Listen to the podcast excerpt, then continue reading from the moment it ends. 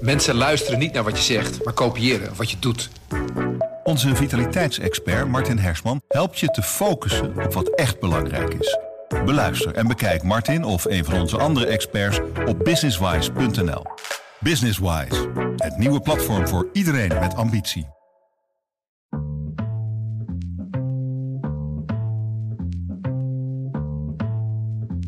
De idylle van een piepklein eilandje in zo'n onmetelijke oceaan. Ja, dat draagt ongetwijfeld bij aan, aan het mysterie van, uh, van Paaseiland. Een speciale dag komende week, want dinsdag is het precies 300 jaar geleden dat in de grote oceaan Paaseiland werd ontdekt. En dat hebben we te danken aan een heuse zeeuw, namelijk Jacob Roggeveen. En hij is hier in Zeeland nog zeker niet vergeten. Maar wie was Jacob Roggeveen eigenlijk en waarom spreekt zijn verhaal nog steeds veel mensen aan? We praten hierover met verslaggever Maurits Zepp, die zich in het leven van Roggeveen verdiepte en ook op zoek ging naar sporen van deze ontdekkingsreiziger in het Middelburg van nu. Dit is de PZC deze week. Mijn naam is Rolf Bosboom. Ja, Maurits, ik ben in mijn leven op best veel eilandjes geweest, maar nooit op Paaseiland. Ben jij er wel eens geweest? Nee, nee ik ook niet. Uh, het ligt ontzettend ver weg. Ver buiten de kust van Zuid-Amerika, in de Stille Oceaan. En dan is het ook nog een heel klein eilandje. Dus uh, nee, dat is uh, voor mij nog niet gegeven.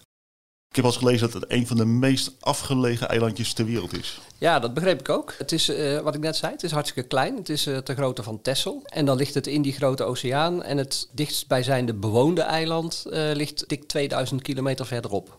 Dus wat dat betreft is het überhaupt een wonder dat het ooit gevonden is, zou je zeggen. Ja, en het is dus gevonden, althans ontdekt door Jacob Roggeveen. Om meer over hem te weten te komen heb jij een rondwandeling gemaakt met Ruud Pacey door Middelburg. Hij is een historicus die heel veel weet over Jacob Roggeveen. We luisteren even naar een fragment van jullie rondwandeling waarin hij vertelt wie Roggeveen was en hoe hij Paaseiland heeft ontdekt. Jacob Roggeveen was een, uh, een Zeeuwse, want hij is in Middelburg ook geboren, een Zeeuwse ontdekkingsreiziger. Je kunt al eigenlijk zeggen de laatste ontdekkingsreiziger die we kennen uit de Nederlandse geschiedenis. En er was eigenlijk altijd nog één grote vraag en dat uh, speelde al vanaf de 16e eeuw hoe ziet de wereld er eigenlijk uit? Een deel was wel in kaart gebracht, maar er was altijd een grote vraag: wat zit daar nou onder, ten zuiden? En zodoende kwam dat verhaal van er moet één groot gebied zijn, groot land zijn, dat Terra Australis Incognita heet. En daar was iedereen naar op zoek. Dus we zien overal stukjes op de wereld die verwijzen naar een Nederlandse ontdekkingsreiziger. En Paaseiland is eigenlijk ook één daarvan, want Jacob Roggeveen kwam op 5 april 1722 zagen ze land liggen. was eerste paasdag in 1722 en hij noemde het Paaseiland. En zo heet het nu nog steeds. Maurits, als ik Ruud Peesje goed beluister, was de ontdekking van Paaseiland dus eigenlijk ja, een soort uh, toevalstreffer. Ja, Kijk, zijn vader had, zoals veel mensen in die tijd nog, het vermoeden dat er ergens aan de onderkant van de wereld nog een groot onbekend Zuidland uh, moest liggen. Het Terra Australis Incognita.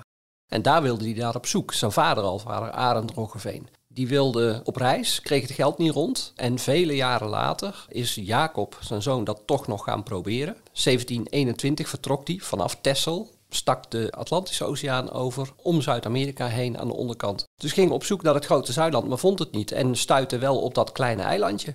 Dus ja, dat is eigenlijk een toevalstreffer geweest in die tijd met de navigatie van die tijd en, en de grotendeels nog lege kaarten. Ja, wat dat betreft is het een wonder. En de Ruud Peesje zegt ook dat Roggeveen een dag later op het eiland geweest is. Hij zag het eerst en een dag later ja. is hij op, op het eiland geweest. Ik hoorde ook altijd verhalen dat hij nooit echt daar een stap heeft gezet. Blijkbaar leven dus, dus verschillende verhalen daarover. Ja, kennelijk. Ik wist dat hij dus op paaszondag 5 april 1722 het eiland heeft gezien. Dus hij zag land. Uh, en omdat het paaszondag was, noemde hij het dan Paaseiland. En een dag later zou hij aan land zijn gegaan. Het verhaal is wel dat de Nederlanders inderdaad met sloepen naar het eiland zijn gevaren. Uh, daar de, uh, de, bevolking hebben ontmoet. En die waren zo nieuwsgierig naar die, uh, die mannen met baarden dat ze nogal enthousiast reageerden. Kennelijk de Nederlanders daar weer van schrokken en zijn gaan schieten.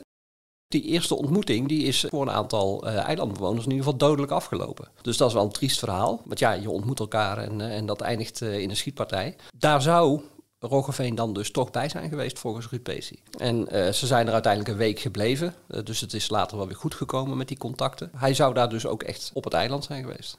En nu zijn natuurlijk in de historie talloze eilandjes en gebieden ontdekt. De meeste kennen we niet meer of die zijn niet blijven hangen in onze herinnering. Wat maakt het dat Paaseiland nog steeds zo vaak besproken wordt en tot de verbeelding spreekt? Ik kan het niet anders verklaren dan dat dat toch te maken heeft met die beelden die daar staan. Uit de Moai-cultuur. Enorme grote koppen, want het zijn vooral uh, hoofden die je ziet. Maar wel gigantisch groot. De grootste, vertelde Ruud Pesim, is, is bijna 10 meter hoog. En hij voegde daar nog aan toe, dat is dan wat je ziet, want het zijn voornamelijk zandstenen beelden, uitgegraven uit een groeve die daar ligt op het eiland. Wat er onder de grond nog zit, zei hij, dat weet ik ook niet. Dus misschien zijn ze eigenlijk nog wel iets groter en zijn ze ingegraven. Maar in ieder geval, het zijn gigantische dingen.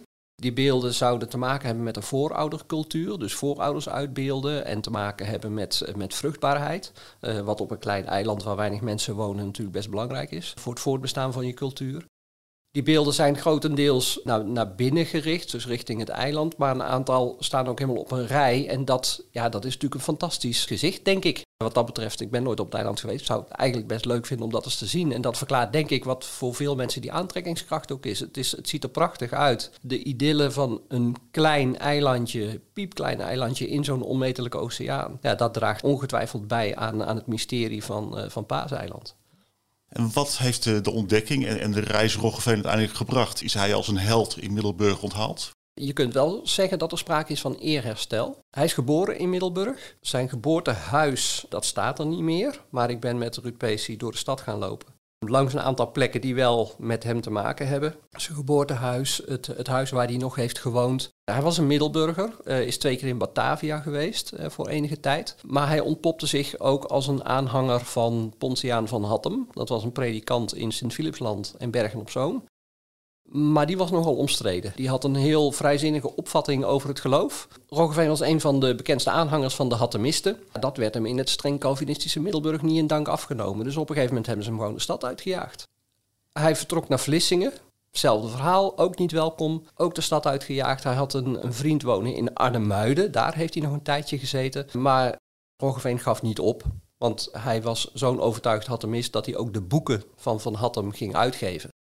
Nou ja, dat was uh, echt tegen het zere been. Dus uh, een zoon van Middelburg werd gewoon de stad uitgejaagd. Gaat op reis, ontdekt Paaseiland. Dat leidt tot wereldfaam. En uiteindelijk heeft hem dat wel zijn eer hersteld, zou je kunnen zeggen.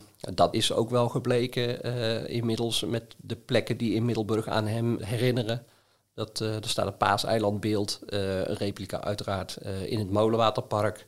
Er was een verzorgingshuis naar hem genoemd op de gevel van een huis in de Lange Noordstraat, waar hij gewoond en gewerkt heeft als notaris. Daar hing een plaquette, die is er overigens af, ontdekten we eh, tijdens onze rondwandeling. Dus ja, Middelburg heeft hem wel weer omarmd. En in 2017 vierde Middelburg 800 eh, jaar stadsrechten. PZC en het Zeeuws Archief hebben toen een verkiezing gehouden over de grootste Middelburg aller tijden. En Jacob Roggeveen kreeg een eervolle derde plaats. Dus nou, hij hoort er weer bij.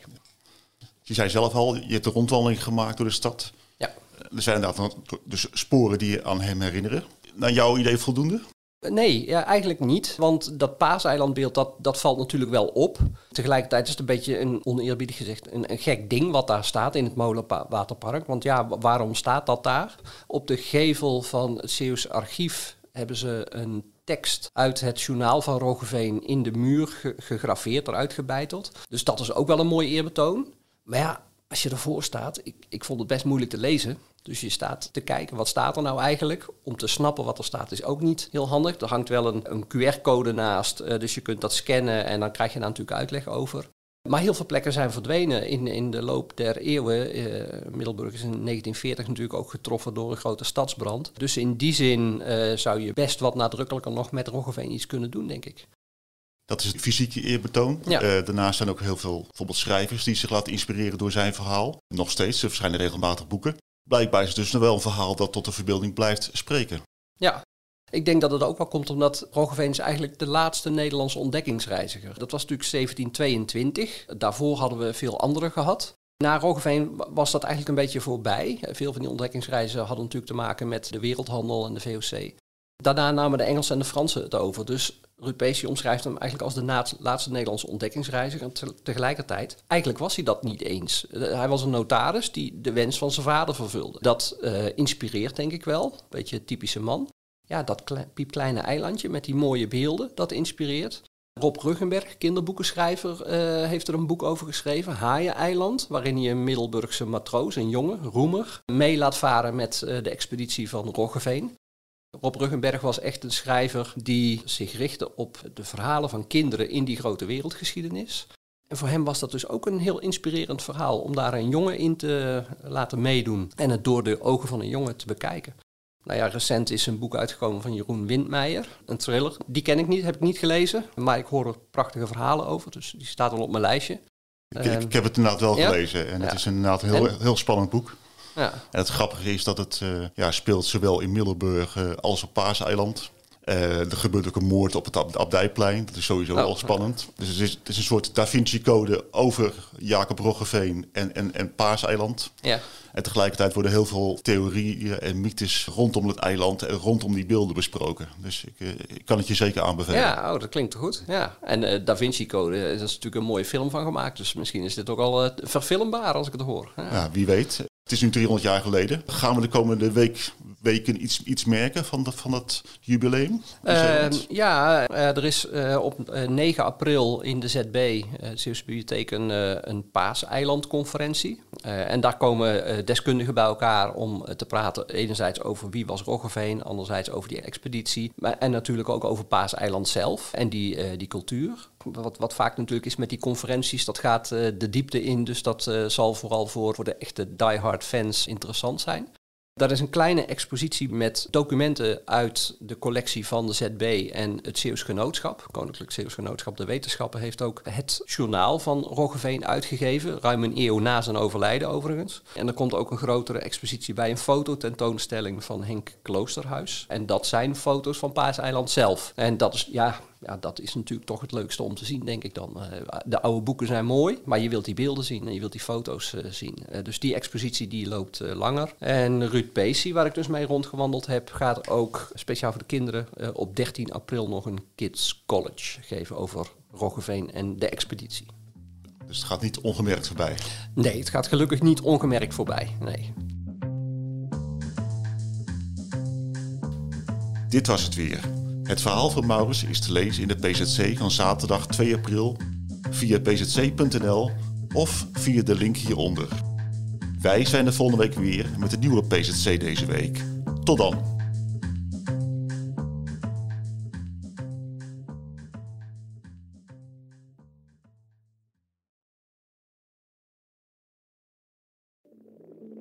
Ik denk dat je een soort van tweespalt had tussen de mensen die ons cool vonden en de mensen die het cool vonden om ons te haten. Maar ik kan me nog levendig de eerste vier tellen herinneren. Dat ik heel goed besefte zo van met deze tikken bepaal ik volgens mij wel een toekomst. Kijk, als we dingen heel anders hadden gedaan, dan was dit niet gebeurd. Als we ooit klaar zijn en ik moet uh, de, de, de vijf hoogtepunten van onze carrière noemen, is dit er één van. 30 jaar bluff. De verhalen die je nog niet kent. Aan de hand van 10 songs.